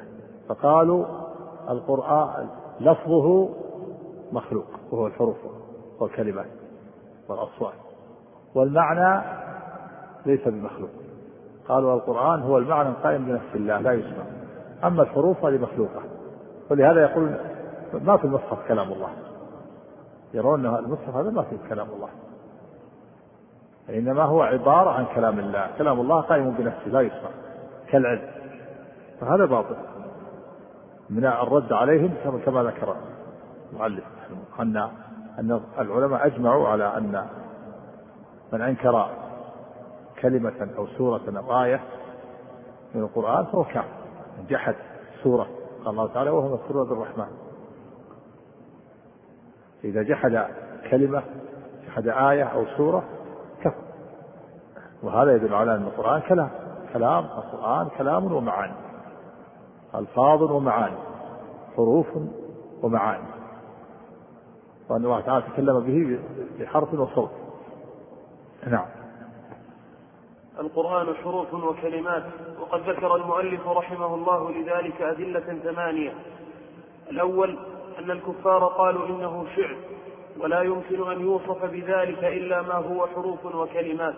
نعم فالكفار في في هذه المسألة صاروا أعرف بهذه المسألة من المعتزلة والأشاعرة.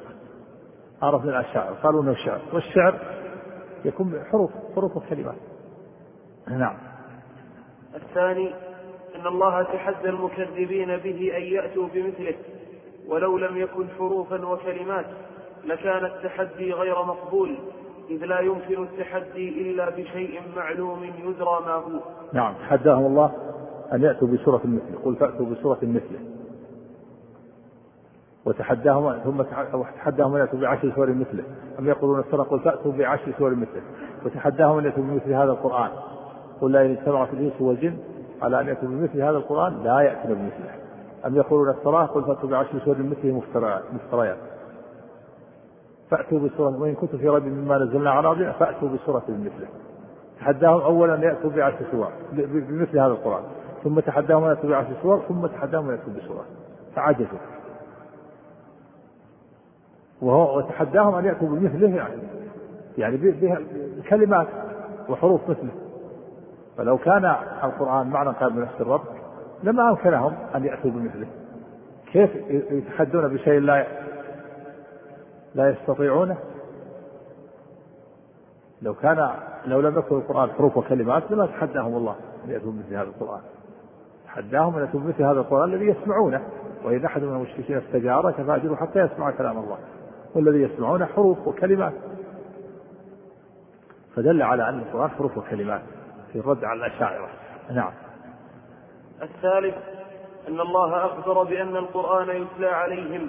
قال تعالى وإذا تتلى عليهم آياتنا بينات قال الذين لا يرجون لقاء نأت بقرآن غير هذا ائت بقرآن غير هذا أو بدله ولا يتلى إلا ما هو حروف وكلمات. نعم. هذا دليل آخر الرد عليه. أنه أخبر أولم يكفهم أن أنزلنا عليك الكتاب يتلى عليهم والذي يتلى عليهم حروف وكلمات دل على أن القرآن حروف وكلمات نعم.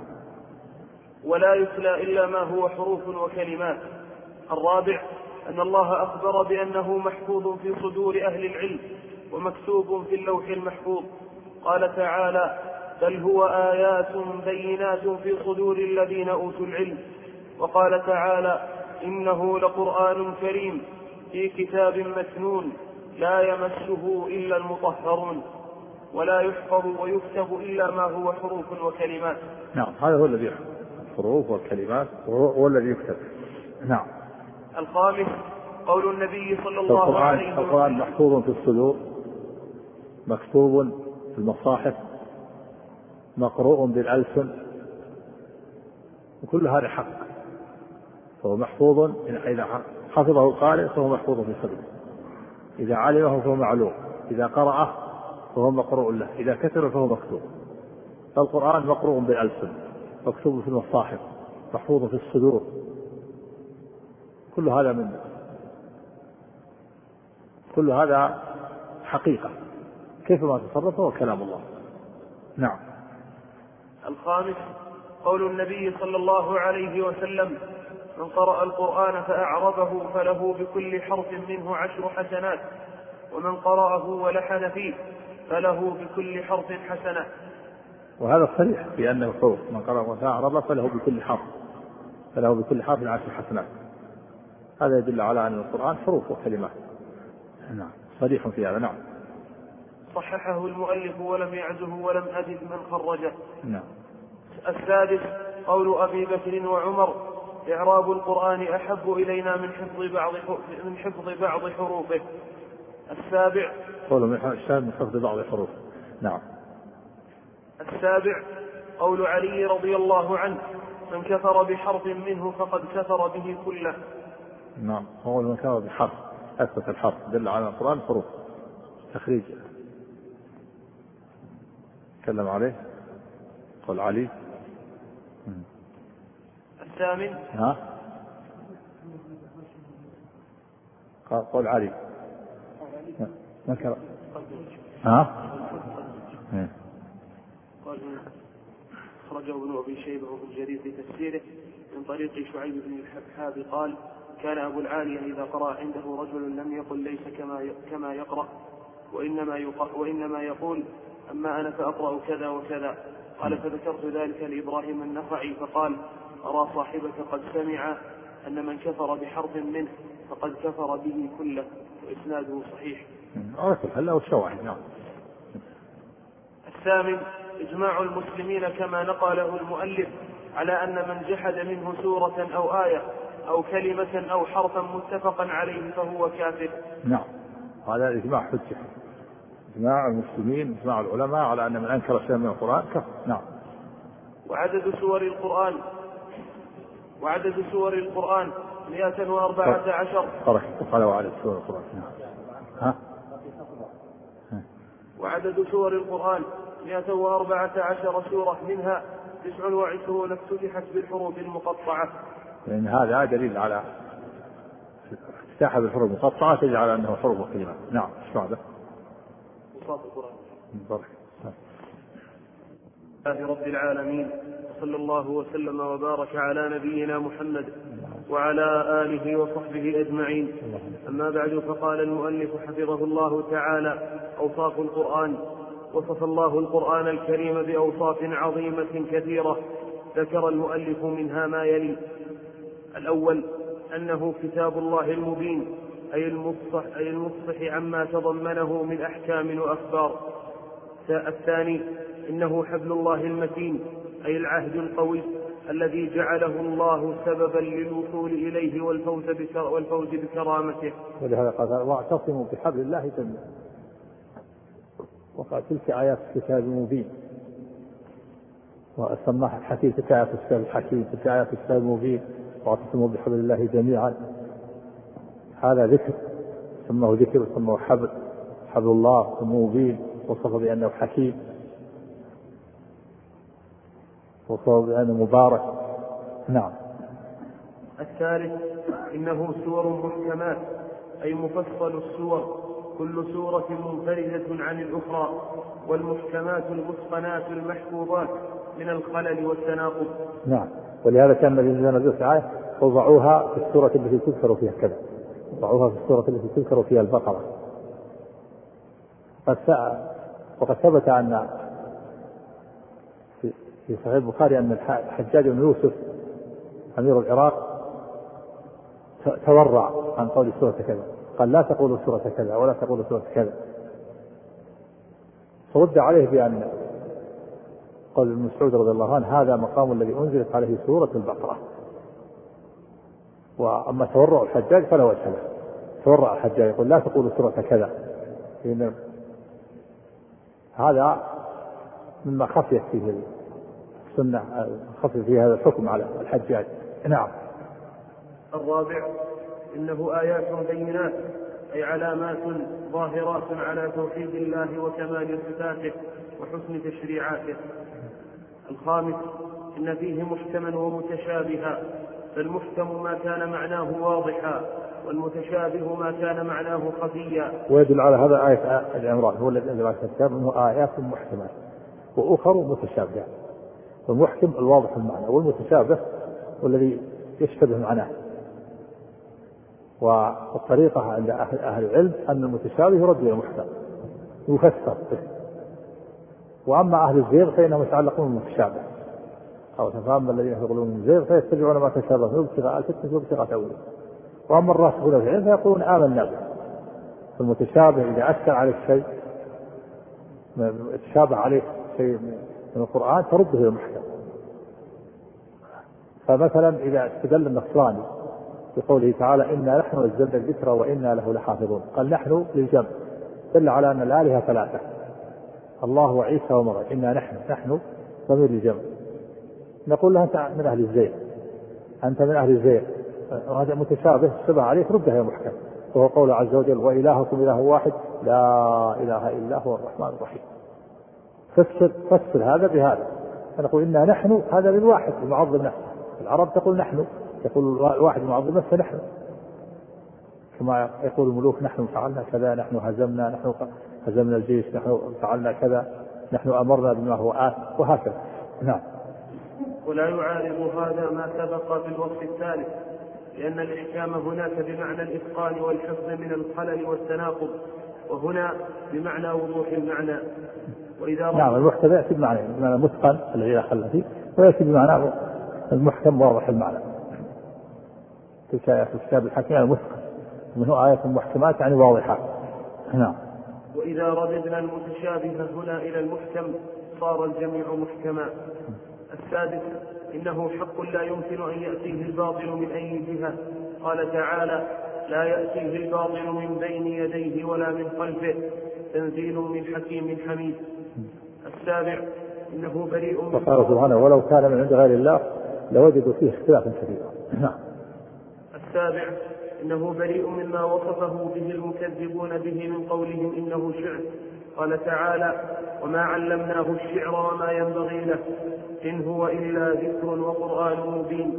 وقول بعضهم إن هذا إلا سحر إن هذا إلا سحر يؤثر إن هذا إلا قول البشر.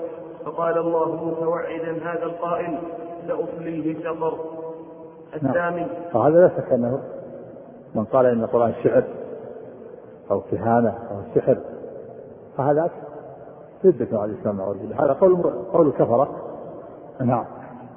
الثامن. إنه معجز لا يمكن لأحد أن يأتي بمثله وإن عاونه غيره. قال تعالى قل لئن اجتمعت الإنس والجن على أن يأتوا بمثل هذا القرآن لا يأتون بمثله ولو كان بعضهم لبعض ظهيرا. نعم. تحداهم الله ان يأتوا بعشر سور يأتوا بسورة. نعم. فصل رؤية المؤمنين لربهم يوم القيامة. على نبينا محمد وعلى آله وصحبه أجمعين. أما بعد فقال المؤلف رحمه الله تعالى فصل رؤية المؤمنين لربهم يوم القيامة والمؤمنون يرون ربهم في الآخرة بأبصارهم ويزورونه ويكلمهم ويكلمونه. قال الله تعالى وجوه يومئذ ناظرة إلى ربها ناظرة وقال تعالى كلا إنهم عن ربهم يومئذ لمحجوبون فلما حجب أولئك في فلما حجب أولئك في حال السخط فلما حجب أولئك في حال السخط دل على أن المؤمنين يرونه في حال الرضا وإلا لم يكن بينهما فرق. وقال النبي صلى الله عليه وسلم إنكم ترون ربكم كما ترون هذا القمر لا تضامون في رؤيته. حديث صحيح متفق عليه. وهذا تشبيه للرؤية بالرؤية لا للمرئي بالمرئي. فإن الله تعالى لا شبيه له ولا نظير. هذا معتقد السنة والجماعة أن المؤمنين يرون يرون ربهم عز وجل يوم القيامة ويكلمهم ويكلمونه ويزورونه. وقد تواترت الأحاديث عن النبي صلى الله عليه وسلم بأن المؤمنين يرون ربهم يوم القيامة كما دلت على ذلك الآيات الكريمة. قال الله تعالى وجوه يومئذ ناظرة إلى ربها ناظرة. وقال سبحانه ولدينا مزيد والمزيد هو النظر إلى وجه الله. وقال سبحانه للذين أحسنوا الحسنى وزيادة والزيادة هي النظر إلى وجه الله الكريم. جاء تفسيرها في صحيح مسلم في حديث سلمان رضي الله عنه. وقال سبحانه في الكفار كلا إنهم عن ربهم يومئذ لمحجوبون. الكفار يحجبون عن الله. قد استدل الإمام الشافعي رحمه الله بهذه الآية على رؤية المؤمنين لربهم يوم القيامة. قال لما أن حجب هؤلاء يعني كفر في السخط دل على أن المؤمنين يرونه في الرضا. ولو كان المؤمنون لا يرونه لتساووا هم والكفار في الحج. فلما حجب الكفار دل على المؤمنين لا يحجبون يرونه. وإلا لتساوى أعداؤه وأولياؤه. لو كان أولياؤه لا يرونه لتساووا مع أعدائه في الحج. فلما حجب الكفرة دل على أن المؤمنين يرونه. وقال عليه الصلاة والسلام إنكم ترون ربكم كما ترون هذا القمر. لا تضامون في رؤيته. وفي لفظ إنكم ترون ربكم كما ترون الشمس والقمر. وفي إنكم ترون ربكم كما ترون الشمس صحوا ليس دونها سحاب. في لفظ إنكم ترون ربكم عيانا يعني معاين هي صريحة واضحة في رؤية المؤمنين لربهم عز وجل. وقد أنكر هذا أهل البدع والمعتزلة. وقالوا إن إن الرؤية معناها العلم فسروها بالعلم. قالوا إنكم ترون ربكم كما ترون القمر. قالوا معناها إنكم تعلمون ربكم كما تعلمون القمر. لا تضامون في رؤيته ترون ربكم تعلمون ربكم ولا تشكون في في العلم به. كما لا تشكون في القمر أنه قمر. هذا معنى فاسد. هذا معنى فاسد. لو كان رؤيا معناها العلم تعلمون ربكم كما تعلمون القمر الشك زائل حتى عن الكفار حتى عن الكفار حتى عن الشيوعيين. الشيوعيين الذين ينكرون الله يوم القيامة يزول عنهم الإنكار ما قيمة تخصيص المؤمنين وبشرى النبي صلى الله عليه وسلم تبشير آه، النبي صلى الله عليه وسلم كون النبي صلى الله عليه وسلم بشرهم بشرهم بشيء عام. تعلمون ربكم كما تعلمون القمر. الكفار يعلمون ربهم يوم القيامة كما يعلمون القمر. يزول الشك حتى عن الكفار حتى عن الجاحدين حتى عن الملاحدة وعن الزنادقة وعن الشيوعيين كلهم يزول عنهم الشك يوم القيامة ما يشكون في ربهم. اللي أنكروا وجود الله وجحدوا الله في الدنيا يوم القيامة يزول عنهم هذا الجحد وهذا الشك. إذا كان معناه ترون ربكم كما ترون القمر لا تشك لا تضامون في رؤيته تعلمون ربكم كما تعلمون القمر أنه قمر لا تشكون في ربكم هذا معناه كافر. معناه إنه ليس هذا خاصا بالمؤمنين. ما قيمة تخصيص المؤمنين؟ تخصيص المؤمنين ما قيمته بهذا بهذا التفسير. ما ما له قيمة. لأن يعني هذا عام جميع أهل الموقف يعلمون ربهم ولا يشكون في في العلم به مؤمنهم وكافرهم. هذا يدل على فساد عقول المعتزلة وبطلان تأويله. أما الأشاعرة فأثبتوا الرؤية لكن أثبتوا الرؤية غير معقولة غير متصورة. أثبتوا الرؤية وأنكروا الجهة. قالوا يرى لا في جهة ما أثبتوا الفوقية. لأن الأشاعرة في الغالب أنهم يكونون بين بين أهل السنة وبين المعتزلة. المعتزلة أنكروا الفوقية وأنكروا الرؤية. وأهل السنة أثبتوا الرؤية وأثبتوا الفوقية. أثبتوا فوق أن الله تعالى فوق. يرون ربهم من فوقهم. أثبتوا الرؤية والفوقية أهل السنة.